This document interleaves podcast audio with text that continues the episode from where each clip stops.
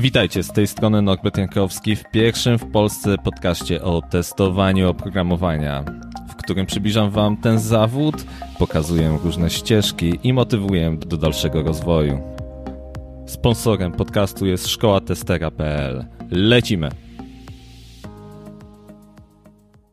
E, witam wszystkich, przepraszam za małe spóźnienie. Mm, właśnie muszę jeszcze skopiować e, link dla gościa, żeby do nas wszedł, a dzisiejszym gościem będzie um, już moment, muszę się skupić. Mm, dzisiejszym gościem będzie oczywiście Adam Matłacz, który jest y, całe życie spędził, w, jest związany z branżą IT, w zasadzie nie spędził, ale jest związany z branżą IT. E, zajmował się testowaniem, konsultacjami, konsultantem, był konsultantem, o, e, release engineerem, analitykiem biznesowym, scrum masterem, test managerem, test architektem i jest również project leadem i za chwilę się pojawi. Hmm. I właśnie witamy gościa. Tak. Adam. Już jesteśmy live. E, przepraszam, jeszcze krótki, krótkie, oczywiście testuję jak zwykle na produkcji nowe oprogramowanie i one właśnie spowodowało małe opóźnienie, ale już jesteśmy i oto dla Was dzisiaj Adam. Dzień dobry, cześć wszystkim, witam serdecznie. E, ja już powiedziałem trochę, że jesteś e, związany z branżą IT, testowanie, agile, project Lead, mm, ale też oczywiście można powiedzieć, że bardzo dużo występujesz, bo.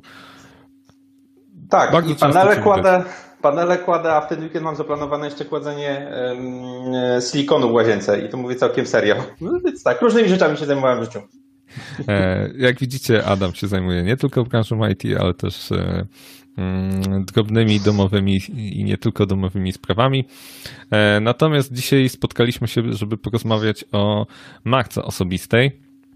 Mm, dlaczego Adam? E, widziałem gdzieś wystąpienie Adama na temat marki osobistej. Bardzo mi się spodobało, to raz.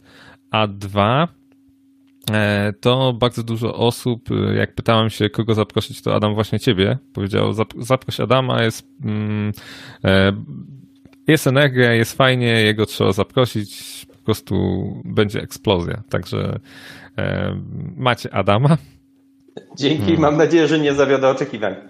E, powiedz mi, e, mam tu kilka pytań a propos, a propos, znaczy do ciebie, a propos twojej osoby, natomiast e, zacznijmy od tej, a, zacznijmy od książki, jaką ostatnio czytałaś. O Boże Święty, wiesz co, w tej chwili czytam, e, a w zasadzie nie czytam, co słucham jako audiobook e, e, biografię Lema. I nawet mogę Ci podać tytuł, bardzo gorąco polecam, bardzo fajna książka. Lem, Życie nie z tej ziemi, w miarę świeża bodajże książka, ja słucham tego akurat w audiotece. I to jest książka, którą nie wiem ostatnio czytałem, powiedzmy, bo ostatnio w ogóle słucham głównie audiobooków. Tak, rzuciłem się na, na audiobooki ze względu na to, że na książkę ciężko mi znaleźć czas. a audiobooka mogę sobie słuchać, jak wychodzę z psem, nie wiem, jakiejś komunikacji publicznej i tak dalej, chociaż ostatnio komunikacji publicznej nie ma. Natomiast na audiobooki rzuciłem. Ale nie, ale jest jedna książka, którą faktycznie przeczytam święta. No Rule Rule. E, historia Netflixa. Też bardzo polecam. Bardzo fajna książka o tym, jak Netflix doszedł do tej kultury, jaką ma dzisiaj, a ma dosyć niezwykłą kulturę i można powiedzieć dosyć niespodziewaną, która stawia na właśnie samych najlepszych ludzi w firmie, najwyższe wynagrodzenia w branży, bardzo dużą otwartość, osobi- otwartość wobec feedbacku itd. Tak itd. E, z tego co pamiętam, to znaczy dużo osób nie wie, ale w Stanach Netflix nie zaczynał od, od streamowania, tylko od e, wypożyczania płyt DVD e, mailem. Ja, ja, oczywiście tam swego czasu, jak mieszkałem w Stanach, to miałem u nich właśnie wypożyczanie tą metodą DVD i było całkiem spoko, bo to na drugi dzień już mieli, miałeś w skrzynce. Ale w każdym razie mało osób po tym wie, że oni od tego zaczynali i w ogóle w pewnym momencie chcieli, żeby ich Blackbuster kupił, ale oni stwierdzili, tak. że, że, że, nie, że kto tam e, robi i, i, i, i, chyba dobrze im na tym wyszło. Znaczy, no dobrze tak. im wyszło.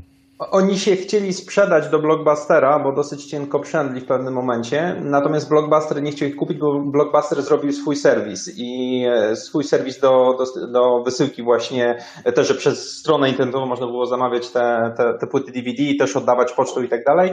E, i też później swój serwis do streamowania, bo też próbowali w tę stronę pójść, ale mm, no jak to bywa w startupach, wykonanie jest najważniejsze, a Netflix to zrobił najlepiej i Netflix miał dużą przewagę z algorytmami, tak? On od początku inwestował w sztuczną inteligencję, ale, ale to prawda. Blockbuster ich nie kupił, był molochem, Netflix to był karzełek i w pewnym momencie moloch upadł, bo Blockbustera już nie ma, tam chyba jest pięć wypożyczalni w całych Stanach zostało. No Netflix, no to chyba każdy o nim słyszał. No tak, nie, no, no pewnie, że tak, że no na tę chwilę też każdy słyszał o nich. Mm. Ja jeszcze wrzucam tutaj linki na, e, na Facebooka, bo się oczywiście zmieniły. Mm, mam nadzieję, że za chwilę więcej osób dołączy. W każdym razie, e, jeżeli by. O, Przemek oczywiście już jest, witam Przemka. Eee, tak. Dlaczego książkę? E, bo dla osoby, która zada fajne pytania, będzie książka o, o o bazach danych i SQL-u. Także ja wysyłam później takie książki, ty mówisz komu, a ja później znajduję tą osobę, albo ta osoba się odzywa do mnie i jest fajnie, wysyłamy. Wysyłam im postem, bo jest, e, znaczy przez paczkomat, tak żeby każdy nie musiał stać w kolejkach w, e, w poczcie, bo wiadomo, że dystans społeczny trzeba zachowywać. E, dobra. Marka osobista. Co przez nią rozumiesz? Każdy ma swoją markę e, osobistą i nawet jeżeli o niej nie myśli, to i tak ją ma, dlatego, bo wszystko ma jakąś markę, tak? Mm. Aha, sorry. Okay. Spoko, spoko. E, więc e, przez markę osobistą rozumiem to, co inni, inne firmy, inni ludzie, z którymi współpracujemy, ale też nasi w sumie znajomi, przyjaciele tak i tak dalej, o nas wiedzą, o nas myślą, jakie w nich uczucia wywołujemy. Więc w zasadzie marka osobista to jest to samo, co marka czegokolwiek innego. Jeżeli mówimy o marce iPhone'a, jak ktoś słyszy iPhone, to już ma w głowie pewne skojarzenia. Jeszcze nie musi widzieć tego iPhone'a. Tak jak nie wiem, Apple ogłasza, w przyszłym roku wypuścimy nowego iPhone'a i już pewne oczekiwania, samo słowo, że to będzie iPhone nowy, są stawiane, że pewnie będzie miał, nie wiem, lepszą kamerę, że będzie miał jakiś, nie wiem, usunął port kolejny, więc mogą też być negatywne skojarzenia akurat, tak? Mm, mhm. Ale mogą być pozytywne, że będzie, nie wiem, to znowu nowe, jakieś odkrycie i tak dalej, i tak dalej. I to samo jest w sumie z, z ludźmi, tak? E, możemy być marką kompletnie nieznaną, tak? Czyli mówimy o telefonie firmy bzing bzing, jakkolwiek by jej nie nazwać, tak? Nikt nie słyszał o takiej firmie, więc nie mamy żadnych oczekiwań. Możemy być marką typu iPhone, Samsung i tak dalej, i tak tak? Więc yy, pewna rozpoznawalność, która budzi też pewne jakieś oczekiwanie, coś nie wiemy i to samo, co zresztą powiedziałeś dzisiaj na początku rozmowy. Zaproś Adama, Adam wniesie energię, tak, I, i, i będzie w jakiś tam sposób być może ciekawy, więc już osoby, które mnie znają, czy widziały jakieś moje wystąpienia, wiedzą, że nie jestem flegmatykiem, tylko raczej ekstrowertykiem na speedzie, który za dużo kawy pije w ciągu dnia, co no przynajmniej to ostatnie jest prawdą.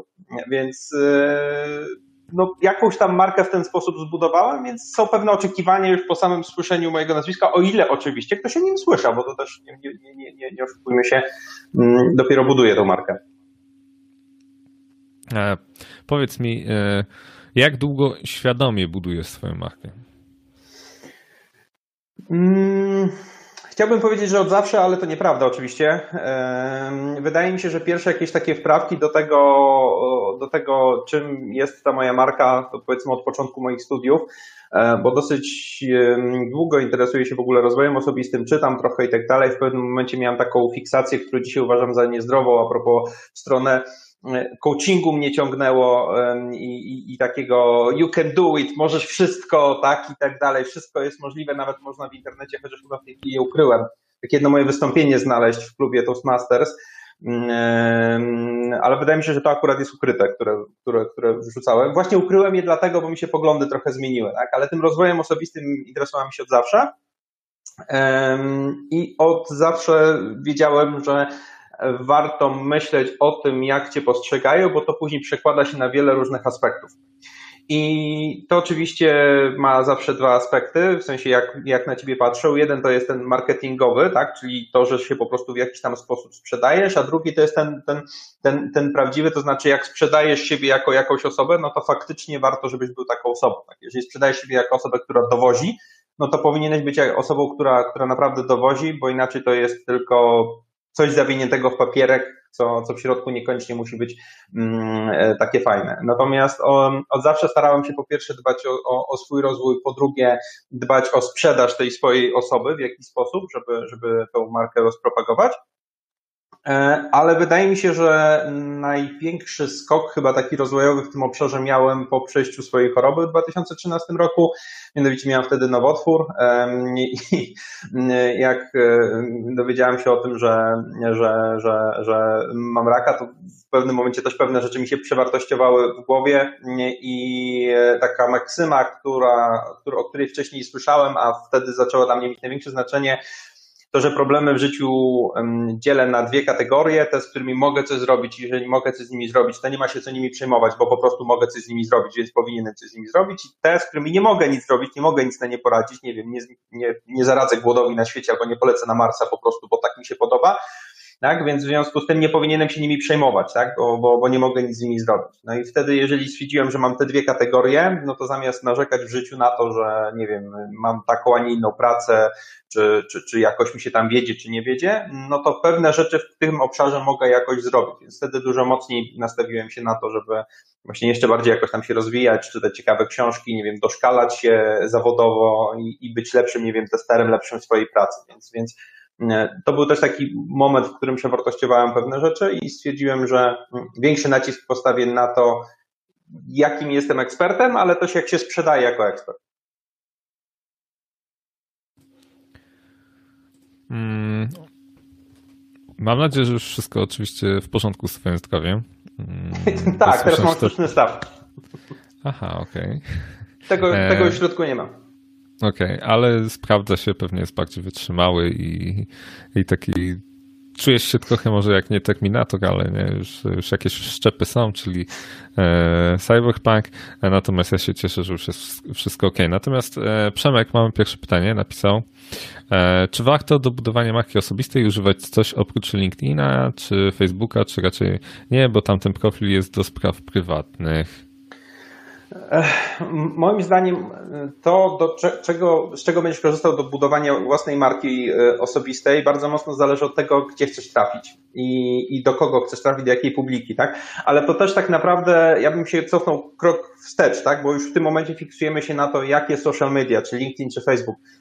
Do budowania marki osobistej przede wszystkim trzeba robić dobrą robotę, nie? I to jest ten punkt wyjścia, to jest to, o czym mówiłem, że są takie jakby dwa, dwa obszary. Jeden to jest to, jak się sprzedaje, nie? Jaką mam te opakowanie, tak, w jakim pudełku się sprzedaje, ale drugie to jest to, co mam w środku i to, co mam w środku jest moim zdaniem dużo ważniejsze. Bo jeżeli robisz dobrą robotę, to dobre rzeczy do ciebie i tak przyjdą, bo nie musisz występować na konferencji, nie musisz się promować w social mediach, po prostu przez to, że jesteś dobry, budujesz sobie dobrą sieć kontaktów, e, znajomych na meetupach, na konferencjach, ale jako uczestnik, tak, po prostu mówiąc cześć, jestem Adam, tak, i tak dalej, rozmawiając z ludźmi, budujesz swoją, swoją markę w ten sposób, markę jako e, eksperta. I to mogę powiedzieć chociażby po moim projekcie o tym, co się u mnie ostatnio w filmie działo, gdzie, gdzie pewna rzecz, e, w projekcie był pożar.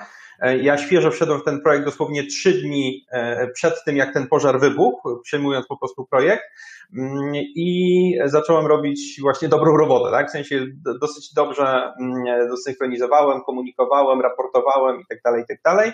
E, I to było świeżo po tym, jak e, zostałem project leaderem w tej firmie. I dwa tygodnie później dostaję maila, że jestem senior project leaderem, tak? I się okazuje, że po prostu przez to, że jak wszedłem w ten projekt i zacząłem dowodzić dobrą robotę, Mm, to jedna z osób w firmie przyszła do mojego szefa, powiedziała, wiesz co, tą osobę też uwzględnimy podczas mapowania e, ról, tak, bo byliśmy w takim okresie przejściowym ja, ponieważ świeżo zacząłem być project leaderem, miałem od początku mowę, będę po prostu project leaderem, bo Adam, wiesz, za krótko u nas jesteś, nie, jako, jako project leader, nie, a ponieważ się dosyć mocno wykazałem przez te dwa tygodnie, to zostałem uwzględniony i od razu zostałem, moja rola została zmapowana na senior project, project leadera, tak? I ja nie musiałem się jakoś marketingować, po prostu robiłem dobrą robotę, nie? Więc to jest moim zdaniem taki ten punkt wyjścia, to, to, to, ten, ten pierwszy krok, pierwszy, pierwszy, pierwszy stopień, nie? Natomiast jak już mówimy o tym, że chcemy się reklamować na zewnątrz, no to tak, to wtedy rozważamy, jakie media, w jaki sposób, czy chcemy występować gdzieś, czy chcemy po prostu e, publikować dobre treści, pisać bloga i tak dalej, i tak. I wtedy to zależy, gdzie chcemy uderzyć. Poczekaj, tylko bym jeszcze dokończył, bo jeżeli mówimy na przykład o polskiej publice, jeżeli chcemy być w Polsce znani jako ekspert, to Facebook. To ja bym powiedział, że Facebook, bo szczerze powiedziawszy, nawet na LinkedInie nie widziałem, żeby dużo treści się pojawiało. Znam parę osób, które w Polsce mają super markę osobistą jako testerzy, na LinkedInie spora część z nich jest w ogóle nieaktywna, tak? W ogóle tam nic nie postuje. Raz na, raz na ruski rok y, opublikuje jednego posta i tyle, i tyle, i tak dalej. Natomiast na grupie testowania oprogramowania na Facebooku będzie co chwilę, co drugi post jest tej osoby, tak? Mam tu parę osób konkretnych na myśli z Polski. Jednocześnie jak myślimy o zagranicy, tak? Jak chcemy za granicą promować swoją markę, no to wtedy Facebook kompletnie nie. Za granicą w Indiach mocno korzystają e, z Facebooka, natomiast Stany Zjednoczone, Wielka Brytania, tam wręcz przeciwnie, tam wręcz banują i mm, się może nie tyle banują, co mm, jak to się mówi, oprotestowują Facebooka, tak? Bo, bo Facebook przecież mm, wspiera różne, nie wiem, ruchy, czy nie wspiera i nie, nie cenzuruje pewnych rzeczy, które ludzie by chcieli, żeby cenzurowali. W związku z czym e, Facebook jest B i tam jest Twitter, no albo LinkedIn, tak? LinkedIn jako właśnie ta, ta, ta sieć społecznościowa. Natomiast za granicą Twitter. E, tak, Norbert, chciałem się coś spytać, przepraszam. Już nie pamiętam, ale e, dobra, nie, chciałem się mhm. spytać o to, czyli tak, e, bo dużo osób e, tak się trochę, mm, nie wiem, utakło, że no jak ktoś idzie do IT, to po to, żeby się jakby nie, tej ekspozycji nie nabierać. E, ale dobra, mamy ten fundament, robimy swoją robotę, ale żeby przyspieszyć, to jednak e, polecać, żeby no, no, gdzieś się pojawiać. Jeśli chcemy przyspieszyć, to tak, ale to od razu mówię, jak to wygląda. To trochę tak jak, i to, to biorę z, z, lekcji marketingu na, na Koźmińskim, na którym w tej chwili uzupełniam swoją edukację. Mm, bardzo ładnie to było pokazane na, i omówione, a propos, wrócimy do, w zasadzie do tego pierwszego pytania a propos marki osobistej e, i w ogóle marki. To trochę jak z pastą do zębów. Nie wiem, czy wiecie, ale generalnie 99% past do zębów, one, może inaczej, wszystkie pasty do zębów mają 99% swojego składu takiego samego, różnią się jakąś kompozycją zapachową, kolorystyczną, to jest bardziej naturalne, ta jest z węglem, ta z czymś tam, ta z czymś tam, ale w rzeczywistości to bazowe działanie tych wszystkich past jest mniej więcej takie same. Więc czym one się różnią? One się różnią marketingiem, który jest dookoła, tak? Czyli to, co, to, co sprzedaje, to, że pudełko jest kartonowe i na nim jest napisane eko, bo ono jest biodegradowalne, tak? I to już przemawia do jakiegoś segmentu ludzi, którzy po prostu będą wybierali tego typu pastę do zębów, tak? Mamy drugą pastę, która jest z węglem, która ultra wybiera, ultra czyści, no to mamy, nie wiem, parlaczy czy kawoszy, którzy będą wybierali tą pastę do zębów, więc oni w odpowiedni sposób targetują, reklamują, mieszkają na billboardach i tak dalej. Ale w środku to jest cały czas ta sama pasta do zębów. Nie? Więc ten marketing, czyli to, co ja polecam właśnie, występowanie na jakichś konferencjach, to jest takie dodatkowe sprzedawanie, dodatkowe, dodatko, robienie dodatkowej roboty po to, żeby roz, ro, rozpromować to i wtedy na tle innych ekspertów, którzy są na podobnym poziomie, ty się będziesz wybijał, nie? E, e, I tu nie mówię o tym, że wszystkie pasty są złe. Właśnie o to chodzi, że wszystkie pasty mogą być dobre tak naprawdę, albo powiedzmy jakiś segment past może być bardzo dobry, nie? I żeby wśród tych past do zębów się wyróżnić, no to musisz mieć jakieś lepsze opakowanie i tak dalej, i tak dalej. Tak samo tutaj, e, występowanie na konferencjach, chodzenie na meetupy, występowanie na meetupach, pisanie bloga własnego, oczywiście, że ci pomoże. Tylko to, co jest ważne, to to, żeby za tym marketingiem szła też faktycznie jakaś jakość ciebie, bo mogę pójść do sklepu, kupić pastę do zębów w najlepszym opakowaniu, wrócę do domu, myję zębami i wypadną, nie te zęby. Więc jeżeli on będzie beznadziejna w środku, to ten marketing bardzo szybko rynek zweryfikuje. Nie? I tu też mam znajomych, którzy w firmach e, dosyć szybko, dosyć wysokie pozycje jakieś tam zajmowali, ale oni też dosyć często zmieniali te firmy, bo się okazywało, że dosyć super sprzedawali się na rozmowie rekrutacyjnej, po prostu mm, cymesik, tak, jestem, jestem świetnym ekspertem, zatrudniasz człowieka, po dwóch tygodniach się okazuje, że on nic nie robi, bo to naprawdę ludzie jego zespół robił za niego w poprzedniej firmie i dlatego ten zespół odnosił sukcesy, bo był po prostu bardzo dobry zespół. Nie? Więc żeby, żeby faktycznie mieć jakąś wartość, to nie może to być tylko to pazłotko na zewnątrz, nie? to pudełeczko ładne, ale w środku musi za tym iść jakaś merytoryka, nie? To też na konferencji, pójdziesz na takie wystąpienie, powiedzmy przyjmą twoje call for papers, pójdziesz, a się okaże, że ty masz pusto, pusto w głowie, tak? Bo twoje wystąpienie jest niemerytoryczne. Więc ty naprawdę musisz mieć coś w głowie, żeby, żeby móc się tym dzielić z, z, ludźmi, tak? Więc ja oczywiście polecam, bo to, to pomaga ci wystrzelić jak, jak, jak rakieta, tak? Bo po, po, pod pewnymi względami. Plus druga rzecz, budując tą markę osobistą w taki sposób, że na przykład występujesz na konferencjach, a nawet nie na konferencjach, nawet wewnątrz firmy prowadzisz jakieś prelekcje, techtoki, tak? Mamy techtoki powiedzmy raz w miesiącu, jakieś ciekawe. Mm, to, że raz na jakiś czas tam wystąpisz, to już nawet nie chodzi o to, że inni cię poznają, ale jak przygotowujesz się do tego wystąpienia, no to musisz przeczytać parę artykułów, musisz e, zapoznać się z jakimiś, nie wiem, technikami testowania, bo chcę opowiedzieć o technice testowania, którą gdzieś tam przeczytam, więc też się rozwijasz.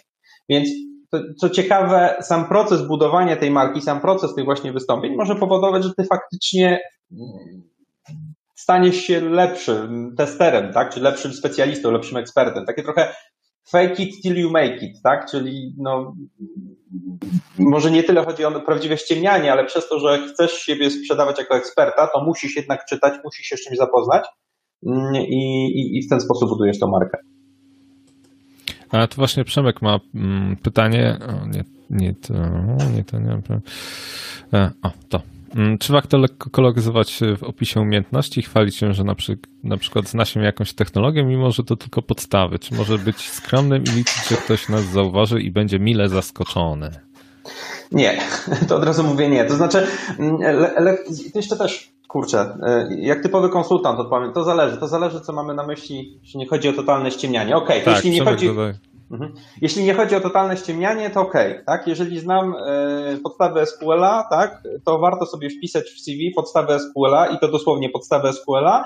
I po, tylko to, co jest ważne, to podczas rozmowy, gdy ktoś mnie spyta, no widzę tu, że ma pan CV wpisane podstawę SQL-a, to wyjaśnić, na czym to polega. Tak, że nie wiem, miałem SQL-a na studiach, e, potrafię poruszać się po bazie danych e, i stworzyć prostą tabelę. Tak? Jak powiesz to wprost rekrutorowi, to on wie, na czym stoi. Tak? E, broń Boże, nie czegoś takiego, że wpisujesz SQL 5 gwiazdek i oprócz tego 20 innych języków, nie wiem, jakichś języków programowania, platform, frameworków i wszystko na 5 gwiazdek, bo takie osoby też akurat ja miałem na rozmowie rekrutacyjnej, nie? Bo, bo trochę rekrutacji też prowadziłem. Przychodzi taki człowiek na rekrutację, wszystko ma na 5 gwiazdek, nie zadajesz mu pytanie ee, nie? i się okazuje, że, że, że najprostsze podstawy jakieś tam może zna albo i nie. I to strasznie źle wygląda.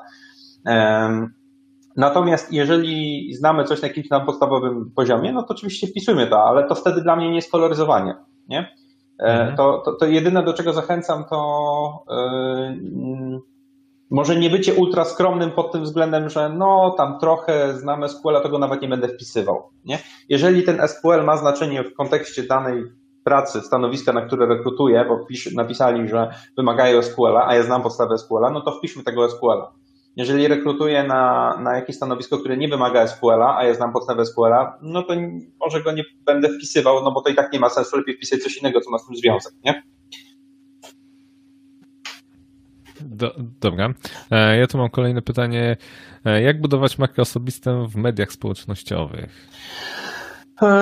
Boziu, to jest tak, no, dając, dostarczając content, bo de facto, jak dla mnie, budowanie marki osobistej w mediach społecznościowych to nie jest e, wklejanie kotków i, i budowanie śmiesznego profilu, tylko dostarczanie merytoryki. No bo jeżeli chcesz, jeszcze inaczej, przepraszam, zależy jak chcesz zbudować markę. Jeżeli chcesz zbudować markę komika, no to mogę być znany z tego, że wklejam super śmieszne memy, jestem super śmieszny. I, i spoko, to też jest jakaś marka ale jeżeli chcę mieć markę eksperta, który zostanie zaproszony na jakąś rozmowę rekrutacyjną, albo prowadzę jednostkowo działalność gospodarczą, ktoś przyjdzie i zamówi do mnie usługi, tak jak mi się udało jakiś czas temu, gdzie świadczyłem usługi dla firmy, dlatego że powiedziałem, że w zeszłym roku wygrałem testaton razem z moim zespołem, który prowadziłem, dlatego że mówiłem, że występowałem na jakichś tam konferencjach i od tak dostałem zlecenie bez, bez w ogóle jakichkolwiek negocjacji, podałem swoją stawkę i, i to zlecenie poza moją normalną firmą świadczyłem, nie?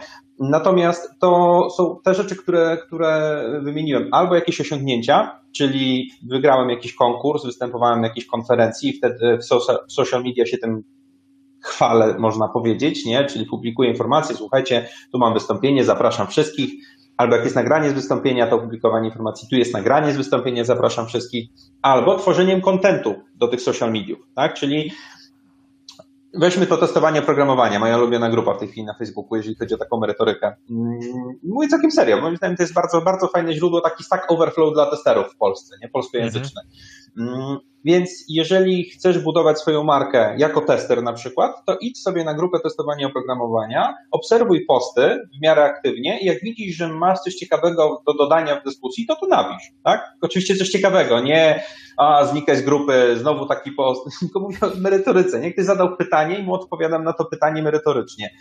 Albo sam mogę opublikować pytanie, tak? Czyli powiedzmy, zastanawiam się nad, mam jakiś problem i tak dalej, publikuję to w tych social media. To, że ja publikuję pytanie, nie oznacza, że ja jestem byle jaki i nie znam odpowiedzi na to pytanie, ale że po prostu chce się w jakiś sposób rozwijać. Mm, I, I, to jest taki nieoczywisty, moim zdaniem, sposób budowania marki osobistej, który jest niedoceniany. Tak? Udzielanie się i pomaganie innym w ten sposób, że, że udzielam odpowiedzi, jest, jest takim najprostszym, moim zdaniem, sposobem na budowanie marki osobistej. No bo oczywiście później wchodzimy na etapy typu pisz artykuły, tak?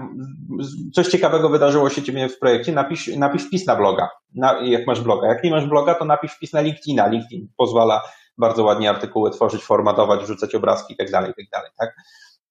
Albo jakiś dłuższy wpis na Facebooka właśnie na tą grupę testowania oprogramowania, opisując jakąś historię, która się zdarzyła i pytając, a wy co myślicie o tej sytuacji, nie? Więc tworząc tego typu content, budujesz też swoją markę osobistą jako, jako eksperta. No i oczywiście jeszcze tak jakby kolejnym, kolejną gwiazdką, bo to wszystko zależy od tego, jakie macie skille, jakie macie umiejętności. No kolejnym etapem jest nie właśnie występowanie na jakichś różnego rodzaju etapach, konferencjach, to coś wymieniałem do tej pory. Tutaj Przemek jeszcze zadał pytanie. Jakie największe błędy w budowie marki osobistej zauważasz w testerskim środowisku? Ciężko mi odpowiedzieć na to pytanie, dlatego że nie wiem, czy te błędy są świadome, czy nieświadome. Bo to, co. I to też druga sprawa, że to jest moje subiektywne postrzeganie. To znaczy, to, co mnie irytuje strasznie, e, to odpowiedzi na e, właśnie forach, o których wymieniałem przed chwilą, które wymieniałem przed chwilą w stylu nie wiem, ale się wypowiem, tak? Typu nie miałem z czymś do czynienia, ale uważam, że to jest B jak ktoś mi zada pytanie, a dlaczego uważasz, że to jest B, no to później jest cisza. I, i takie wpisy też się widuje, tak?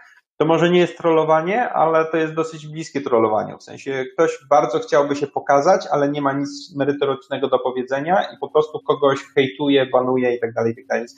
To moim zdaniem jest strasznie słabe, bo takie osoby, gdy obserwuję, to no ja mam trochę na to alergię. Ale tu daję gwiazdkę, że to jest ja, Adam Matwacz, mam na to alergię e, i natomiast nie sądzę, żeby dla kogoś to działało pozytywnie. A czy właśnie tu Przemek mówi, że w 90% te odpowiedzi nie są merytoryczne. Tutaj Martyna napisała, że czasami po prostu to mhm. mam wrażenie, że to jest hejt. No. Mhm. No jest, no niestety jest, ale to właśnie tym bardziej, jeżeli ktoś na takiej grupie daje merytoryczną odpowiedź, to ona jest zauważalna. Zauważcie, nie, nie, na grupie testowania oprogramowania mamy parę osób, które dają odpowiedzi moim zdaniem bardzo merytoryczne. Nawet jeśli się z nimi czasem nie zgadzam, to one są merytoryczne, tak? I tym bardziej są ciekawe, bo jeżeli się z tym nie zgadzam, to mogę z taką osobą wejść w dyskusję. I mamy parę takich, e, takich nazwisk, jak e, Kuba Rosiński, Marta Firlej, e, Emilia Lędzior, tak? Więc, więc na, na, na grupie testerskiej są osoby, które potrafią udzielić odpowiedzi, która ma jakiś sens, albo przynajmniej do, zadać follow-up question po to, żeby podrążyć temat i w pewnym momencie udzielić tej odpowiedzi, nie? Ale zgadza się, dużo jest tam hejtu i niemerytorycznych rzeczy mm, i niestety na to się nic nie poradzi. Eee, powiedz mi, bo prowadzisz też e, dzięki swojej marce osobistej, e, mogłeś ściągnąć do swojego, to jest E, też taki, najpierw jest live, a później jest podcast, nie? Mm, Quark Meetcast. Zgadza się. E, I tam zapraszasz już takie osoby, które są w świecie IT e, znane, mm, tylko na świecie właśnie, tak jak powiedziałem. Powiedz, jak udało ci się przekonać te osoby, żeby wystąpiły u ciebie dla jakby no, a tu nie mogę powiedzieć, że tylko dla Polaków, bo to jest e, podcast e, mhm. po angielsku, więc to ma zasięg międzynarodowy. Mhm. Natomiast jak ci się udało przekonać? E, wiem i też się czasem nad tym zastanawiam. Śmiechem żartem, ale tak. To jest też część mojej marki osobistej i tego, jaką jestem osobą i co robię na konferencjach. Tak? Ja na konferencjach staram się nie iść na konferencję, żeby posłuchać wystąpienia dla samego siebie, napić się kawy i wrócić do hotelu, tylko networkingować i zapoznawać się, porozmawiać z ludźmi. Więc po pierwsze, gdy jestem na konferencji, na jakimś wystąpieniu czy imś, to zadaję dużo pytań, ale to też taki mój feature akurat, każdy kto mnie zna, to, to wie, że i w pracy zadaję dużo pytań i moja żona wie, że zadaje dużo pytań, co nie zawsze ją cieszy, ale generalnie jestem osobą, która, która dużo pytań, to samo jest na konferencjach, tak? To znaczy ja nigdy nie, nie bałem się na konferencji podnieść ręki i na całą salę wykrzyczeć swojego pytania, które mnie akurat w danym momencie interesowało. Dzięki czemu też mocno się rozwijałem, ale, ale yy, zadałem jedno, drugie, trzecie pytanie, yy, kończyła się prelekcja, to podchodziłem do prelegenta i zadawałem jeszcze czwarte, piąte, szóste. Tak? W ten sposób część tych prelegentów poznawałem i od pewnego czasu, a w szczególności od konferencji Eurostar, e, Eurostar e, w 2018, pierwszej, na której byłem, mm, e, oprócz tego, że podchodziłem, zadawałem dodatkowe kolejne pytania, to jeszcze zawsze podchodziłem z telefonem w ręku i odpalonym profilem na LinkedIn i się pytałem, czy możemy się dodać do sieci kontaktów. W ten sposób budowałem też swoją sieć kontaktów właśnie z osobami, które mm, są rozpoznawalne w tym, w tym świecie testowania. Fakt, że poza Polską i to jest ciekawe, bo no nie będę oszukiwał, na meetupy, na to nagranie na żywo, to nie przychodzi jakaś rzesza osób, tak? Na pierwsze z Michaelem Boltonem miałem ponad setkę, ale później to jest 20, 15, jak jest 30 to jest super, tak? Bo też bywało takie, gdzie było 30, mimo że to są osoby, które na konferencji ściągają 200 osób na salę na przykład, nie? I występują na konferencjach naprawdę na, na, na, na całym świecie. Natomiast e, okazało się, że, że po pierwsze budowanie tych, tych kontaktów na konferencji, e, później ocenię mi kontakt na LinkedInie, bo od razu mogę do takiej osoby bezpośrednio napisać, tak, jesteśmy w sieci kontaktów. Druga sprawa, że w dużej mierze to było szczęście, bo pierwszą osobą, którą zaprosiłem do tego midcastu był Michael Bolton i James Bach, dwie osoby, które są bardzo mocno rozpoznawalne, a James Bach e, z tego co słyszałem, ciężko jest go gdzieś ściągnąć. I dlaczego to było szczęście? Dlatego, bo jak napisałem, jak miałem, wpadłem na pomysł nagrywania tego midcastu w ogóle i pomyślałem, kurczę, pierwszą osobę warto byłoby ściągnąć taką z petardą, tak? taką, która właśnie przyciągnie ludzi, żeby za, zacząć z kopyta i później łatwiej mi będzie pewnie uderzyć do kolejnych osób. Napisałem do Boltona, i Bolton mi powiedział, ty, ale super, bo ja za dwa miesiące e, prowadzę online szkolenie na Europę e, i chciałbym móc gdzieś wspomnieć tak jakby o tym, o tym szkoleniu, więc bardzo chętnie u Ciebie wystąpię, nie? E, I to szkolenie to ja prowadzę z tam z Jamesem Bachem. Mówię, to może jeszcze Jamesa ściągniemy, bo na początku ja w ogóle tylko do Boltona napisałem, tak? Mm, to może jeszcze Jamesa ściągniemy. Ty, no spoko, super pomysł, odezwę się do niego, nie? I za tydzień mi napisał, no James też jest, jest jak najbardziej na tak. No i to pierwsze nagranie, James Bach, Michael Bolton, y, tam z 200 osób mi się zapisało, setka była na, na, na meetupie, na, na samym nagraniu. Y, I później, gdy już do kolejnych osób pisałem, Część z nich miałem w swojej sieci kontaktów, więc łatwo mi było uderzać. Część z nich było poza, ale też powiedzmy ich rozpoznawałem, czy, czy, czy, czy gdzieś tam występowaliśmy na wspólnej konferencji. To pisałem, słuchaj, prowadzę taki a taki mitka, byli u mnie już tacy goście jak Michael Bolton i James Bach, y, może masz ochotę u mnie wystąpić. Nie? Więc w momencie, gdy miałeś pierwszą osobę, która była rozpoznawalna, kolejne osoby dużo łatwiej było ściągnąć. Więc w tej chwili można powiedzieć, już mam taką maszynkę, którą dosyć yy, bardzo ułatwia mi e, ściąganie kolejnych osób, w szczególności ze świata testerskiego. Teraz staram się otworzyć jeszcze w ogóle na IT, ale ze świata testerskiego już raczej nie mam problemu, żeby, żeby kolejne osoby tam, tam wystąpiły, dzięki temu, że jakie poprzednie osoby e, były w tym, w tym midcaście. To trochę społeczny dowód słuszności, więc jeżeli wystąpił tam, tam pan A, B i C, no to osoba D, która jest na porównywalnym poziomie, powiedzmy, merytorycznym, e, też chętnie tam, tam wystąpi ale muszę powiedzieć jeszcze jedno, e, to i tak moim zdaniem nie było takie trudne, żeby ściągnąć tę osobę. E, to, co trzeba mieć, to po prostu trzeba mieć jaja i, i powiedzieć sobie, że no nie, nie bać się napisać do takiej osoby, bo wbrew pozorom e, ci ludzie są naprawdę otwarci na nowe kontakty. Michaela Boltona, tak jak mówiłem, zacząłem o tym zadawaniu pytań i w sumie nie, nie, nie dokończyłem, bo historia moja z Michaelem Boltonem była taka, że naprawdę go znam osobiście na konferencji Eurostar, na której zdawałem pytania i jedno z pytań drączyłem dosyć mocno i go tam przypinałem do muru i mi powiedział, że dobra Adam, wiesz co, to jak chcesz, to możemy wieczorem na, na piwie o tym pogadać, nie? I wieczorem na konferencji Eurostar była taka integracja później, w barze go zobaczyłem, poszedłem do niego, zamieniłem w nim dwa zdania i już resztę wieczoru piliśmy razem browary, stawiając sobie na zmianę, tak? Raz ja jemu, raz on mi. No i nawiązaliśmy w ten sposób jakiś kontakt. I dzięki temu e, ja później ze dwa czy trzy razy pisałem do niego na Skype'ie i na przykład dzwaniałem się z nim i przez godzinę sobie gadaliśmy o czymś, tak? Związanym z moją pracą, czy z jakimś tam moim pomysłem i tak dalej, i tak dalej. Coś, co wydaje się być, dla, dla mnie po dziś dzień to jest trochę kosmos, bo generalnie Michael Bot to człowiek, który grube pieniądze za sesje mm, y, szkoleniowe y, bierze, tak? Jeżeli bym chciał u niego zamówić sesję coachingową, to by mnie ładnie, ładnie za to szczartował, a miałem u niego sesję coachingową, można powiedzieć, za darmo, tak? Bo rozmawiałem z nim przez godzinę, zadając mu pytania, pokazując jakieś idee, prosząc o opinię i naprawdę dużo z tego wynosiłem. Tak?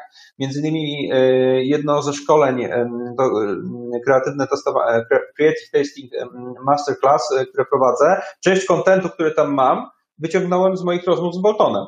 Tak? Więc i dzięki temu, jaką relację z nim zbudowałem. Więc to jest osoba, która jest naprawdę otwarta na, na kontakty i jest wiele takich. Wiele takich osób, które, które są, są na to otwarte, z którymi można spokojnie e, porozmawiać. E, przy czym no pewnie najlepiej jest najpierw nawiązać taki kontakt gdzieś na żywo, na jakiejś konferencji, e, a dopiero potem pisać na LinkedInie. Bo spodziewałbym się, że na LinkedInie może być milion randomów, którzy, którzy, którzy piszą i w pewnym momencie to mogłoby być przytłaczające. E, właśnie a propos linka, tutaj jest kolejne pytanie od Przemka. Mm, jedno to jest, czy właśnie CV kontra link, e, a drugie, co, mm, co może być na portalu, a nie powinno być w CV i na odwrót. E, to jest tak, CV, e, generalnie tak, CV, a link, to było pierwsze pytanie CV vs LinkedIn. Niestety obydwa i to mówię niestety po tym względem, że ja też w pewnym momencie, jak swojego LinkedIna rozbudowałem, to umieściłem wszystkie informacje, już się cieszę, Boże, już nigdy więcej nie będę musiał wysyłać CV-ki. A później pisali do mnie rekruterzy na LinkedInie i prosili o wysłanie CV-ki. I wiesz, tak trafił i za każdym razem nawet pisałem, że słuchaj, ale wszelkie informacje, jakie chcesz o mnie mieć, masz na LinkedInie plus więcej, bo na LinkedInie masz jeszcze jakieś artykuły, które pisałem, tam podsumowania, filmiki i tak dalej, i tak dalej, nie? No, ale u nas jest taki proces, że musisz mi wysłać CV-kę, tak? Bo, bo on ją drukuje, czy nie wiem, co robił z tymi CV-kami, ale generalnie trzeba wysłać CV. Więc CV w 90% przypadków i tak musisz mieć. Chociaż też między Bogiem a prawdą nie rekrutowałem już trochę czasu, więc być może coś się zmieniło, ale, ale do tej pory przynajmniej zawsze mnie prosili o to CV, mm, więc CV musi być. I CV, dla mnie przynajmniej, e, i to uwaga, bo ja nie jestem HR-em, tak? Ja nie jestem takim ekspertem HR-owym, natomiast dla mnie CV jest takim e, suchymi faktami, tak, e, o tobie. To znaczy, znam taką, taką, taką technologię, brałem udział w takich, takich, takich projektach, w tych projektach robiłem to, to i to, tak, takim podsumowaniem. Natomiast pewnie jakiś herowiec by się ze mną nie zgodził i być może słusznie. Ja po prostu sam w sobie nie jestem w stanie zrobić lepszego CV. To było. Nie, nigdy nie przekuwałem do tego jakoś tak strasznie dużo um, e, uwagi. E, natomiast ja jak rekrutowałem i widziałem CV-ki, to zwracam uwagę właśnie na pewne informacje kluczowe w tych, w tych CV-kach. Tak? To, to było wszystko zależne od tego, jaka rekrutacja, ale jak rekrutowaliśmy na stażystę, to interesowało mnie po pierwsze, jaką edukację dano, dana osoba miała. Uwaga, to niby nie powinno się liczyć, no ale jak mam na stażystę 120 CV mi spływa, i pierwsze filtrowanie muszę zrobić, no to pierwsze filtrowanie robię właśnie po edukacji, po tym, czy ktoś ma jakieś doświadczenie e, i czy ma w CV wpisane jakieś technologie właśnie, że, że, że, się, tym, że się tym interesuje. No bo na te 120 CV powiedzmy 50 miało edukację w danym obszarze, a 20 jeszcze miało jakiś kurs, nie wiem, ISTQB i tak dalej, i tak dalej. Więc te suche informacje mnie bardziej interesowały i faktycznie wtedy ja, ja liczyłem na zwięzłość CV. Bo jeżeli CV miała pięć stron, to mi się już przyznam szczerze nie chciało przeszukiwać tych pięciu stron, żeby szukać tego, co mnie interesuje. Więc dla mnie kluczowe było to. Ale potrafię sobie wyobrazić, że jak, jeżeli ktoś prowadzi trochę inną rekrutację na, nie wiem, seniora czy regulara i tych CV nie ma 120, to być może ważniejsza jest coś innego w tym CV, więc tutaj ja niestety nie doradzę. To potrzebna byłaby jakaś osoba, która e, e, zna się na tym, tym się zawodowo zajmuje. Ja mogę tylko powiedzieć o, o takiej mojej perspektywie rekrutera, który rekrutował głównie stażystów do naszej firmy. Mm, natomiast LinkedIn, LinkedIn to już jest nie tylko Twoje podsumowanie, ale to jest bardziej obraz siebie. To jest obraz ciebie, który, który pokazuje, że w jakiś sposób też działasz i się rozwijasz i dlatego moim zdaniem ważne jest aktywne bycie na tym LinkedInie czyli e, obserwowanie odpowiednich osób, które publikują informacje typu, no nie wiem, chociażby właśnie ten Bolton i tak dalej, chociaż jego akurat nie tyle obserwuję, co, co, co go też tam do sieci kontaktów dołączyłem i wbrew pozorom chyba wszystkich przyjmuje, w sensie jak mu się napisze, że o super, jestem zainteresowany, lubię to, co tworzysz i on tam każdego przyjmuje, więc obserwowanie takich osób, jak te osoby coś publikują, to komentowanie, nie? Więc wtedy to się pojawia w feedzie rekruterów, którzy cię mają w znajomych i widać, że czymś takim się interesujesz, nie? Ale oprócz tego, e, no też nie wiem, jakiś można artykuł raz na jakiś czas napisać na, na, na LinkedIna. E, jakieś takie dodatkowe mm, rzeczy, które pokazują Twoją osobę, to czym się interesujesz i, i stanowią, e, stanowią dodatek. A Facebooka?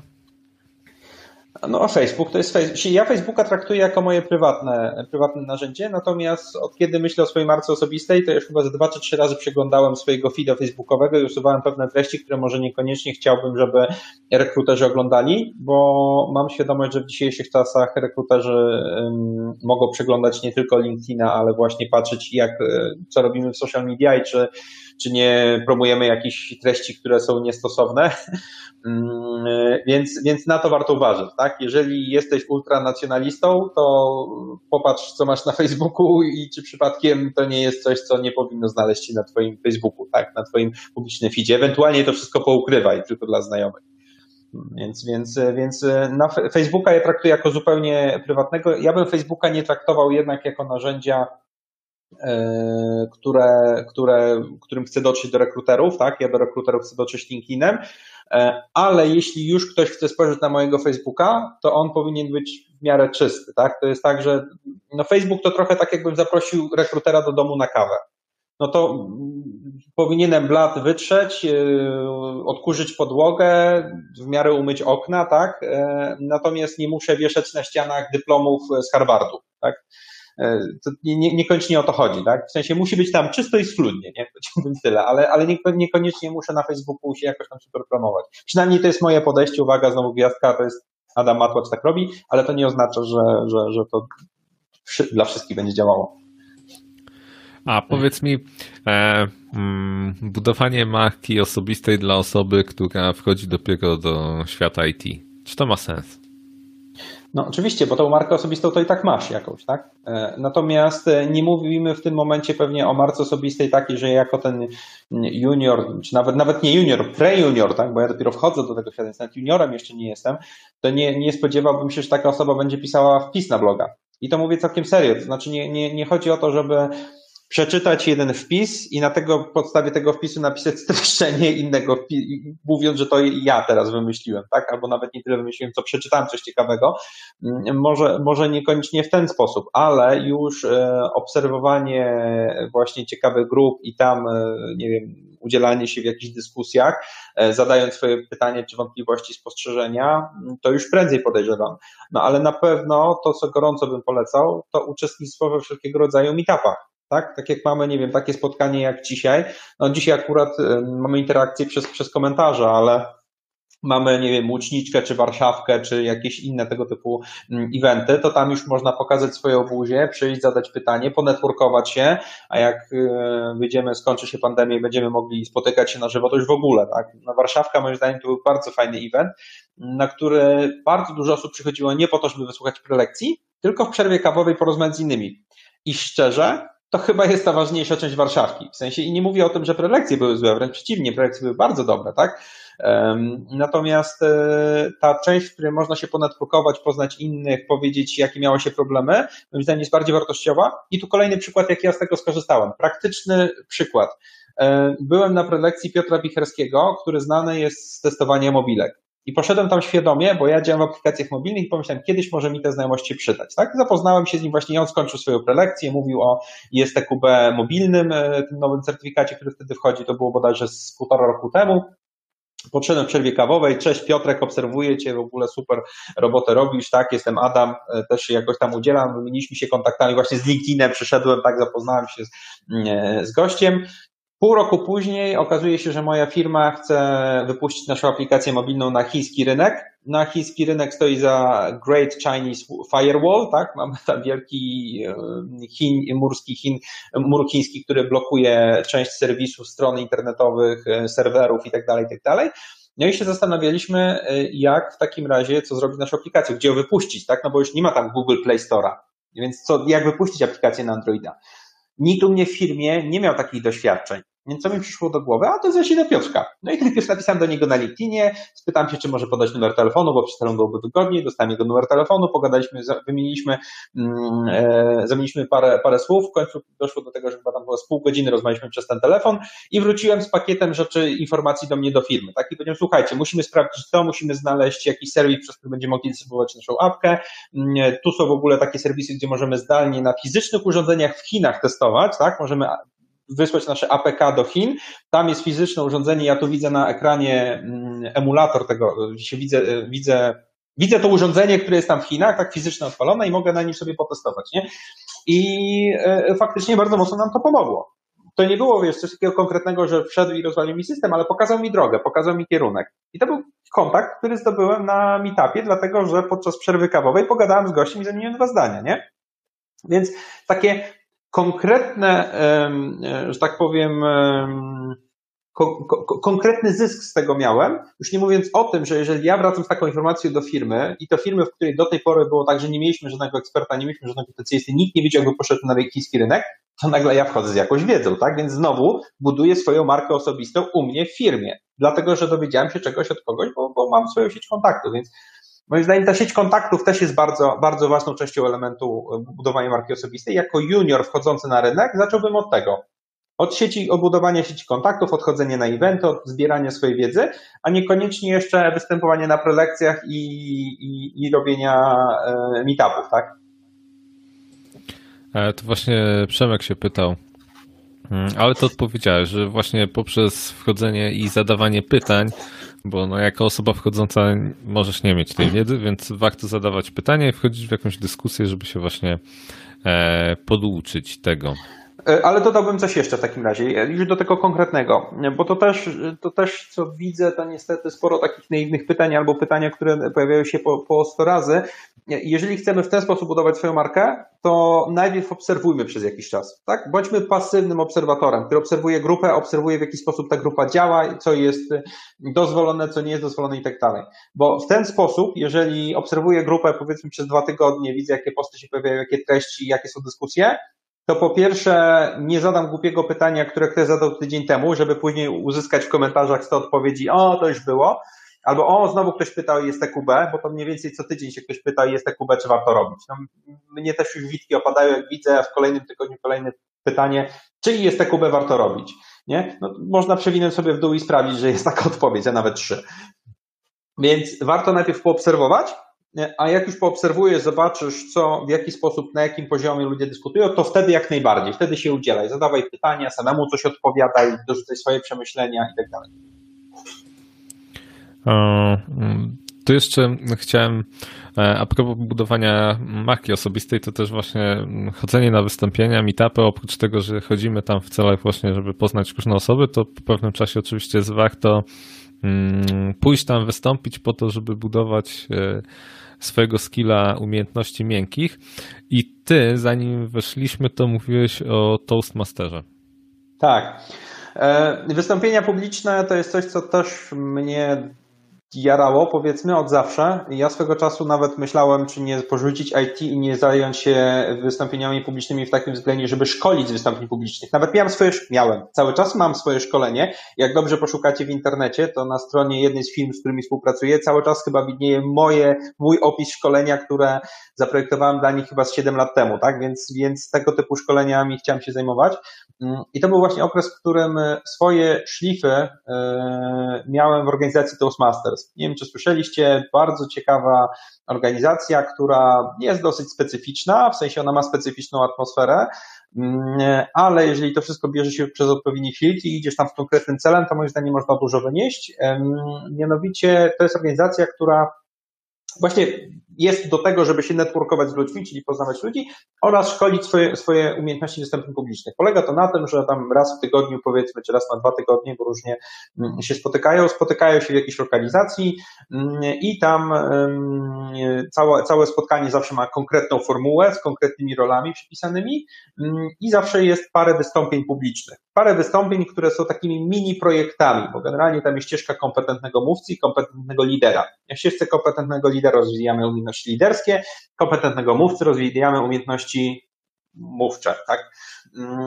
I tych projektów na tej ścieżce mówczej jest 10, e, chociaż w sumie, ok, mówię z perspektywy człowieka, który był tam 10 lat temu, więc przepraszam, być może coś się zmieniło, ale kiedyś to wyglądało tak, że było 10 projektów, i każdy projekt miał coś na celu. Na przykład pierwszy, jeden tam z pierwszych projektów miał na celu prawidłową strukturę. Że był wstęp, rozwinięcie, zakończenie, jak rozprawka, tak?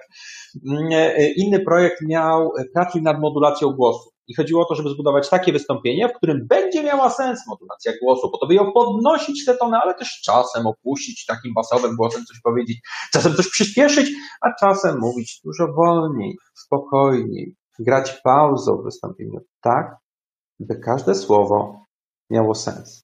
I tak dalej, i tak dalej, tak? Więc były też wystąpienia z mowy ciała itd. itp. Więc każdy projekt miał jakiś sens i to było bardzo fajne.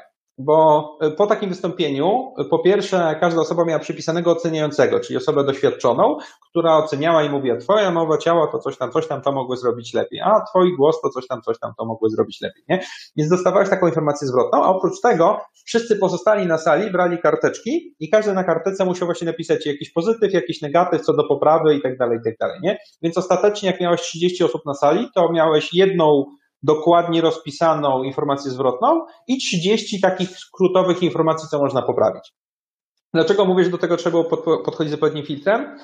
Mm, dlatego, no bo jak w każdej tego typu grupie, która jest nastawiona na, na właśnie samorozwój, parcie do przodu, ludzie bardzo mocno chcą się wspierać, więc w dużej mierze jest tam też takie trochę poklepywanie się po plecach, tak? Taka trochę grupa, grupa, grupa wsparcia, co ma swoje plusy i minusy. No plusem jest oczywiście to, że buduje swoją pewność siebie, minusem jest to, że ta informacja nie zawsze jest obiektywna, którą dostajesz, tak? No bo możesz coś zrobić beznadziejnie, a osoby, ponieważ nie chcą cię zgnoić, to po prostu cię będą mówić, ale, ale super, Adaś, w ogóle świetne wystąpienie, nie? Mimo, że nie było super, tak?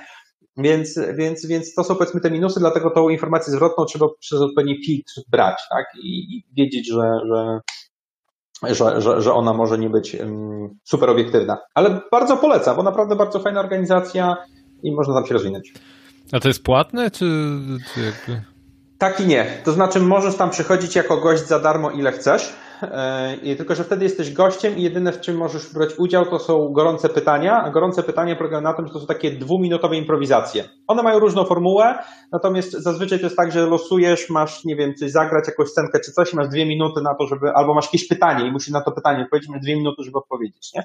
Mm, I to też jest jakieś ćwiczenie i to możesz robić za darmo w nieskończoność. Ale jak chcesz robić projekty, wejść na ścieżkę, to musisz opłacać składkę członkowską ale nie ma się co przerażać, bo ta składka członkowska nie jest duża. Tego co ja pamiętam, jak ja uczestniczyłem, to było jakieś, nie wiem, 200 zł na pół roku, czy 200 zł na rok, to, to było, to, to były naprawdę śmieszne, no śmieszne, zależy dla kogo, ale, ale to nie było olbrzymie, to nie było 200 zł miesięcznie. To było coś w stylu, że miesięcznie wychodziło, nie wiem, 10 czy 20 zł maksymalnie.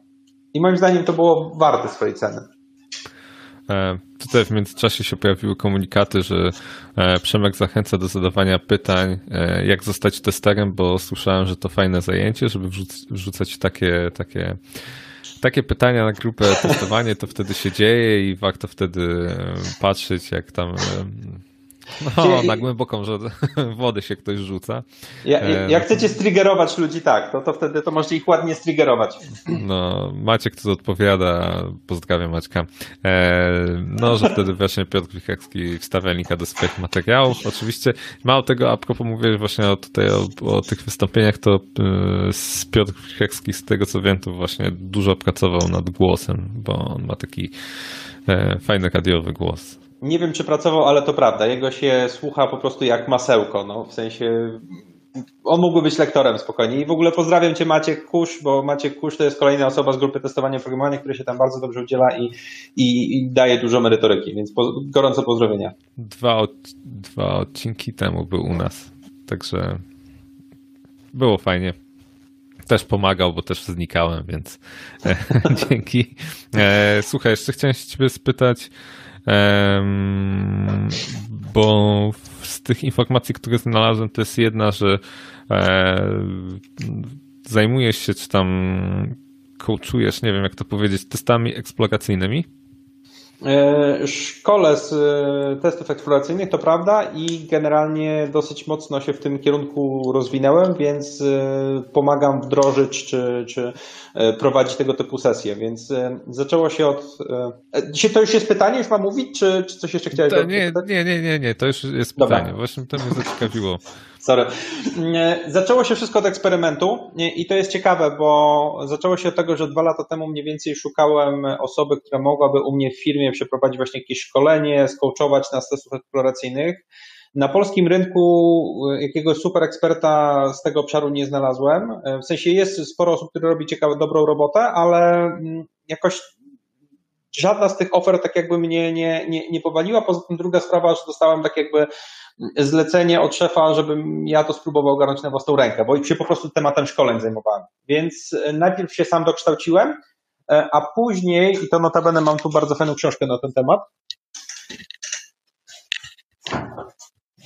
którą, mogę polecić, która stanowi jakąś tam bazę dla mnie, Explore It. E, moim zdaniem to jest w ogóle, jak chcecie zająć się testami eksploracyjnymi, to wystarczy, że to przeczytacie i to będzie dla Was fajny punkt wyjścia. E, natomiast e, najpierw się sam tym przeszkoliłem, a później zrobiliśmy mały eksperyment u mnie w firmie. Eksperyment polegał na tym, że wbiliśmy sobie co dwa tygodnie sesję eksploracyjną 2,5 godziny dla całego zespołu testerskiego mojego, to było tam 11 osób i na każdą z takich sesji ja przenosiłem nową technikę eksploracyjną, tak? Czyli dzisiaj robimy tour-based testing, tak? Które jest opisane akurat przez w innej książce, którą też chyba mam tam. Tak. Sekunda. Czyli dzisiaj robimy tour-based testing z książki e, Jamesa Whitakera Software Testing, e, Exploratory Software Testing. Też bardzo polecam notabene książkę. Tak? Dzisiaj robimy to. E, sesja polega na tym, że pierwsze pół godziny robiłem prezentację a propos danej techniki, więc sam się musiałem najpierw nauczyć tej techniki i sobie poczytać o niej i przygotować prezentację, więc pierwsze pół godziny robiłem prezentację, a później przez dwie godziny testowaliśmy tą techniką. W zasadzie przez półtorej godziny, bo ostatnie pół godziny to była ewaluacja. Co nam się podobało w tej technice, co nam się nie podobało, co byśmy zmienili, czy w ogóle to jest dla nas, czy nie. Za dwa tygodnie biorę inną technikę testing personas, tak? I robię szkolenie pół godziny najpierw z testing personas. Muszę oczywiście znowu sam się przygotować, sam przeczytać i tak dalej, i tak dalej. E, po czym przez półtorej godziny testujemy, w praktyce wykorzystujemy tą technikę i na koniec pół godziny podsumowanie, ewaluacja. Dzięki czemu po roku tych technik poznałem całe wiaderko, w dodatku każdą z tych technik poznałem nie pod takim względem, że tylko przeczytałem i napisałem blog, wpis na blogu, ale, ale faktycznie ją wykorzystaliśmy w firmie. Widziałem, jakie te techniki mają wady, jakie mają zalety. Ta technika sprawdzi ci się do tego, ta sprawdzi ci się do tego. Więc ta osoba, której szukałem półtora, półtora, dwa lata temu eksperta z testów eksploracyjnych, to po półtora roku prowadzenia testów eksploracyjnych w mojej firmie, w tym 11-osobowym zespole, sprawiło, że stałem się takim ekspertem. W sensie to, ten, ten, i stwierdziłem, że warto coś z tym zrobić. Dlatego przygotowałem, a to pokryło się z początkiem roku, kiedy była Wielka Orkiestra Świątecznej Pomocy, więc stwierdziłem, przygotuję warsztat, sprzedam ten warsztat na Wielką Orkiestrę, cały, cały zarobek pójdzie na, na, na, na orkiestrę, to było w 2019 roku. Um, 2019 2020, 2020, przepraszam, bo to był rok pandemii. E, więc e, przygotowałem tego typu warsztat e, i no, od tego się można powiedzieć zaczęło. Tak? Zaczęło się to, że mam już gotowy produkt, który, którym, którym gdzieś tam, gdzieś tam zachwalam, polecam. I po tym warsztacie odezwali się do mnie znowu. Ta sieć kontaktów, która się przydaje, odezwała się do mnie znajoma, którą, która ma koleżankę, którą ja szkoliłem w Coders Lab, gdzie, gdzie, gdzie prowadziłem szkolenia, że oni do firmy poszukują osoby, która by ich przeszkoliła z testów eksploracyjnych. I ten warsztat im poprowadziłem zdalnie sam, tak, więc miałem już pierwszego klienta, którego miałem z tego względu, że miałem jakąś tam sieć kontaktów oraz właśnie markę osobistą i renomę. I te pieniądze już były do mojej kieszeni, bo to była normalna praca, a nie warsztat dla, dla, dla, dla Wośpu. Więc w ten sposób tak jakby do tego doszliśmy. I dzięki, że zadałem to pytanie, wiecie, jak ważna jest sieć kontaktów. Trzeba ją budować, sieć kontaktów, żeby mieć, e, żeby zawsze ktoś kogoś podłączył i wtedy jak macie tą sieć kontaktów, macie kupę znajomych na, na linku czy tam na Facebooku i ktoś coś rzuci, wy wrzucicie jakiś tekst i to się samo połączy w piękny i cudowny sposób. Natomiast jeszcze chciałem tutaj powiedzieć, żebyście zadawali pytania, bo zbliżamy się do godziny, a od pewnego czasu chcę zamykać się w godzinie, bo tym bardziej, że mamy piątek, więc do tej godziny dążymy, więc zadawajcie pytania, piszcie, czy wam się podoba, a szczególnie te pytania pamiętajcie, książka czeka o bazach danych. E, o, tu Przemek zadał pytanie, czy planujesz udostępnić takie szkolenie online? E, w sensie powiem tak, e, bardzo chętnie, tym bardziej, że to szkolenie jest w formule online. W sensie tylko tyle, że jeżeli pytasz Przemku o formułę online taką, żeby po prostu ktoś sobie obejrzał filmiki i się przez to przeklikał, E, to nie planuję, dlatego że ono jest bardzo mocno nastawione na dużo interakcji z prowadzącym, czyli ze mną, tak? W sensie, gdy są ćwiczenia, to celem tego ćwiczenia jest to, że dostajecie jakąś informację zwrotną ode mnie mm, na temat tego, w jaki sposób przez to ćwiczenie e, przeszliście, nie? Więc ja je prowadziłem w formule online, ale prowadziłem je z wykorzystaniem Zooma i Miro do, do, do rysowania i mam tam przygotowane praktycznie templatki ale nie planuję go nagrywać w takiej formule. Ono wymagałoby bardzo dużego przerobienia i przyznam szczerze, trochę nie wierzę, że, nie wiem, może, może jestem niedowiarkiem, ale nie wierzę, że udałoby mi się zrobić e, to w takiej formule, żeby to było równie wartościowe, co takie szkolenie face to face. Tak? Takie szkolenie, w którym jest trener i daje wam tę informację zwrotną. E, tutaj Maciej podpowiada, że to tak, e, to taki samo napędzający się mechanizm, bo im masz lepszą markę osobistą, ty masz większą sieć kontaktów i w drugą stronę. I to jest dokładnie to, co, co, o czym mówiłem z, w związku z tym e, meetupem. Pierwsze spotkanie miałem Boltona, którego znałem. E, Jamesa nie znałem, ale Bolton mi ściągnął Jamesa. Na kolejne spotkanie akurat zaprosiłem dwóch znajomych, których znam z konferencji, ale już na kolejne spotkanie miałem osobę, której nie znałem, ale napisałem i po tym jak napisałem i przyszła do mnie ta osoba do, na, na, na sesję, no to się miałem w znajomych, tak? Isabel Evans, Sue Atkins, e, Marie Cherry, Annette Cherry, to są osoby, których nie znałem wcześniej, a które mam w tej chwili w swojej sieci kontaktów dzięki temu, że już mam tą markę, więc prawda Maciek, no to jest dokładnie to. A tutaj Przemek precyzuje, że chodziło mu właśnie online, że nie jako kurs online, tylko że jako takie szkolenie, czy tam Zoom, czy cokolwiek. No to jak najbardziej. To znaczy chętnie bym coś takiego poprowadził, przy czym nie, na razie nie planowałem ze względu na to, że nie mam, e, jakby to powiedzieć, narzędzi sprzedażowych. E, musiałbym pewnie wejść w jakąś współpracę z jakąś firmą, która by wystawiła to szkolenie i ona by tam opędzała to z, z sobą. Mm, no bo ja jedyne co mógłbym zrobić w tej chwili, to pewnie, nie wiem, napisać na testowanie oprogramowania, kto by się chciał zapisać na szkolenie, ale to byłby jakiś koszmar, żeby to synchronizować, a, a nie mam na to czasu. Mm, Ale jakbyście chcieli to szkolenie w swojej firmie, to zapraszam, piszcie do mnie, ja bardzo chętnie Wam przygotuję ofertę. E, czekamy jeszcze na, na pytania, ostatnie e, minuty. Natomiast ja, ja tak trochę zadałem o, o tych testach eksploracyjnych, bo gdzieś kiedyś o, czytałem taki artykuł, że prawdziwe testowanie już umarło, gdy się przestało testować eksploracyjnie. E, bo w pewnym momencie był taki trochę odejście od, od tych eksploracyjnych na rzecz takiego o, testowania w oparciu o skrypty. Mm, natomiast nie wiem, czy to tak do końca, do końca poszło w tą stronę się to uwaga plot twist, to znaczy i, i, to jest coś, co wyciągnąłem z jednej sesji z, z, z Michaelem właśnie, e, bo on jest bardzo mocnym przeciwnikiem w ogóle słowa test eksploracyjny, dlatego, bo według niego wszystkie testy są eksploracyjne i częściowo się z nim zgodzę, bo nawet jak piszesz skrypty i piszesz test case'y, to żeby napisać ten test case, to musi dokonać jakiejś eksploracji, tak? Mhm. Musisz z kimś porozmawiać, przeczytać jakąś dokumentację, poklikać po aplikacji, więc każde testy mają w sobie przynajmniej pierwiastek testów eksploracyjnych, ale zgodzę się przynajmniej z jednym, że dużo większą wartość w moich oczach mają testy eksploracyjne w, w, sensie sesje testów eksploracyjnych, gdzie biorę jakąś technikę z tej książki, czy z tej książki, czy z dowolnej innej książki, czy z bloga, czy z nie wiem, szkolenia jakiegoś i tak dalej i zamykam się z ludźmi w sali na dwie godziny i nawalamy korzystając z tej techniki, tak? Albo nawet jak nie w taką sesję eksploracyjną, to na co dzień jak wykorzystuję jakieś techniki eksploracyjne,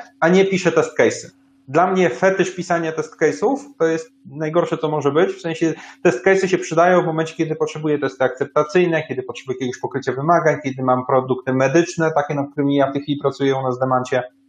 Wtedy te test case'y trzeba tworzyć, bo po prostu trzeba. Mm, ale my je tworzymy bardziej po to, by podkreślić, potwierdzić, że pewne rzeczy działają, a nie po to, żeby znaleźć defekty. Jak chcecie znaleźć defekty, no to eksploracja. E, dobra, tutaj jeszcze Przemek się uśmiecha do ciebie, bo wysłał ci zaproszenie. Jasne. E, I słuchajcie, mm, jeżeli nie ma więcej pytań, to byśmy kończyli tą sesję, żeby tu nie zamęczyć Adama mm, i prowadzącego. E, natomiast, natomiast ja jeszcze no, chciałem przeprosić za małą wpadkę z linkiem, tak jak mówię, nowy tool dzisiaj i coś tam mi nie chciało odpalić. Musiałem jakby nowe, nowe, nowy pokój założyć, żeby odpalić to, więc tam było małe zamieszanie. E, no ale tak jak mówiłem, tutaj testuję się na produkcji, więc e, wtopy są. E, natomiast tutaj jeszcze, poczekaj, mm, tu jeszcze Maciek napisał, lepiej budować markę osobistą w Polsce po polsku, czy od razu wchodzić na świat i tworzyć po angielsku? O, to jest dobre pytanie. Bardzo dobre pytanie i to jest notabene jedna rzecz, o, którą mi, o której mi ostatnio żona wspomniała. W sensie, którą trochę mm, mnie zaczepiła, pod tym względem, że e, ja Midcast, który robię jest w całości po angielsku i mam pomysł na kolejny projekt, którego tutaj na razie nie zdradzę, natomiast on też jest po angielsku i żona mi powiedziała, że zrobiłbyś coś w końcu po polsku, tak? E, e, I fakt jest taki, że mój midcast w Polsce moim zdaniem nie chwycił. W sensie nie ma dużej popularności wśród Polaków. E, połowa moich gości podczas tego midcastu to są obcokrajowcy, tak? którzy, którzy przychodzą. Nie wiem dlaczego, bo generalnie angielski jest lingua franca w, w IT i jest językiem, który każdy moim zdaniem powinien znać w jakimś stopniu. Nie wyobrażam sobie pracować w projektach, dużych projektach IT, tak? Nie, nie na poczcie polskiej, E, w sensie w polskiej jakiejś firmie czy, czy, czy, czy w firmie Janusz i tak dalej, tylko mówię w, duży, w dużych projektach nie wyobrażam sobie pracować bez znajomości języka angielskiego, czy też rozwijać się w tej branży, bo no okej, okay, te książki są po nie, one są po angielsku akurat, więc, więc na, na, na, najlepsza literatura zazwyczaj jest w języku angielskim, nie zawsze jest tłumaczona na język polski, więc trochę tego nie rozumiem ale widzę, że dużo większą popularność na polskim rynku mają eventy w języku polskim. Jak chociażby twój, twój, twój podcast, w którym w tej chwili uczestniczę. Dziękuję serdecznie za zaproszenie, mm, ale, ale i parę, ale parę innych inicjatyw też, tak, które są w języku mhm. polskim. Na, na, na, Polskę, mm, na Polskę są, mają dużo, dużo większą wartość. Więc jeżeli budujecie markę po to, by znaleźć pracę w jakiejś innej firmie w Polsce, no to po polsku. No to budujmy tą markę po polsku, tak? Jeżeli budujecie swoją markę w jakimś innym celu, takim, który ja sobie założyłem, bo mi niekoniecznie chodziło o to, żeby znaleźć pracę w Polsce, ale sprzedawać na przykład szkolenia moje, moje za granicę, czy jeździć na konferencje i wystąpienia zagraniczne, które są płatne.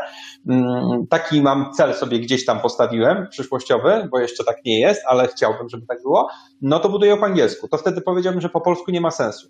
Bo jeżeli chcesz iść na Eurostara, to to, co robisz po polsku, niewiele ci tam wniesie, nie? W sensie e, fajnie, jak masz swoją widoczność i zasięgi, więc możesz się tymi zasięgami chwalić, ale, ale to nie jest tak, że później możesz pokazać komuś to wystąpienie i on stwierdzi, ok, to się nadaje albo się nie nadaje na taką, a nie inną konferencję.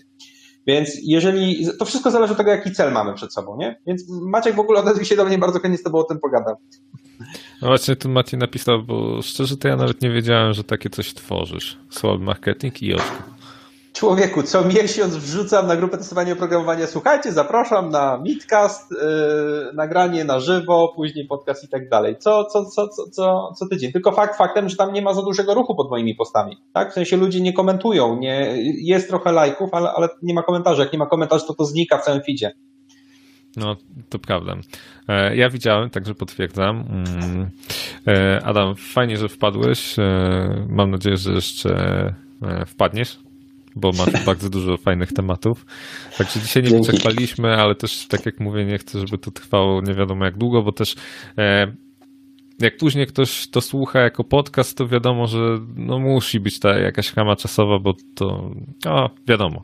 Ram, Prawda. Rama czasowa godzinna jest optymalna dla, na przykład dla podcastu. Mm, dobra.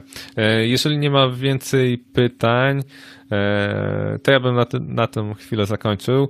E, Adam, jeszcze książkę dla Przemka? Eee, tak, no Przemek, Przemek, no kurczę, przecież Przemek nas tu zdominował. W ogóle tak. E, następnym razem to jeszcze proponuję kolejne okienko tu dołączyć Przemka, nie trzecie. E, tak, Prze, Przemek jest bardzo e, regularnym e, widzem. E, zresztą nie tylko on. Już jedną książkę dostał, także mam namiary. Przemek, spokojnie, książka zostanie wysłana. Już nie, nie musisz wysyłać dodatkową. E, natomiast ja dziękuję. Jeszcze za chwilę puszczę zakończenie tutaj piękne. Tylko chciałem powiedzieć, że Przemek zaraz pewnie na Oliksie tam wystawi do tego przychodzi. E, nie, nie, nie, nie.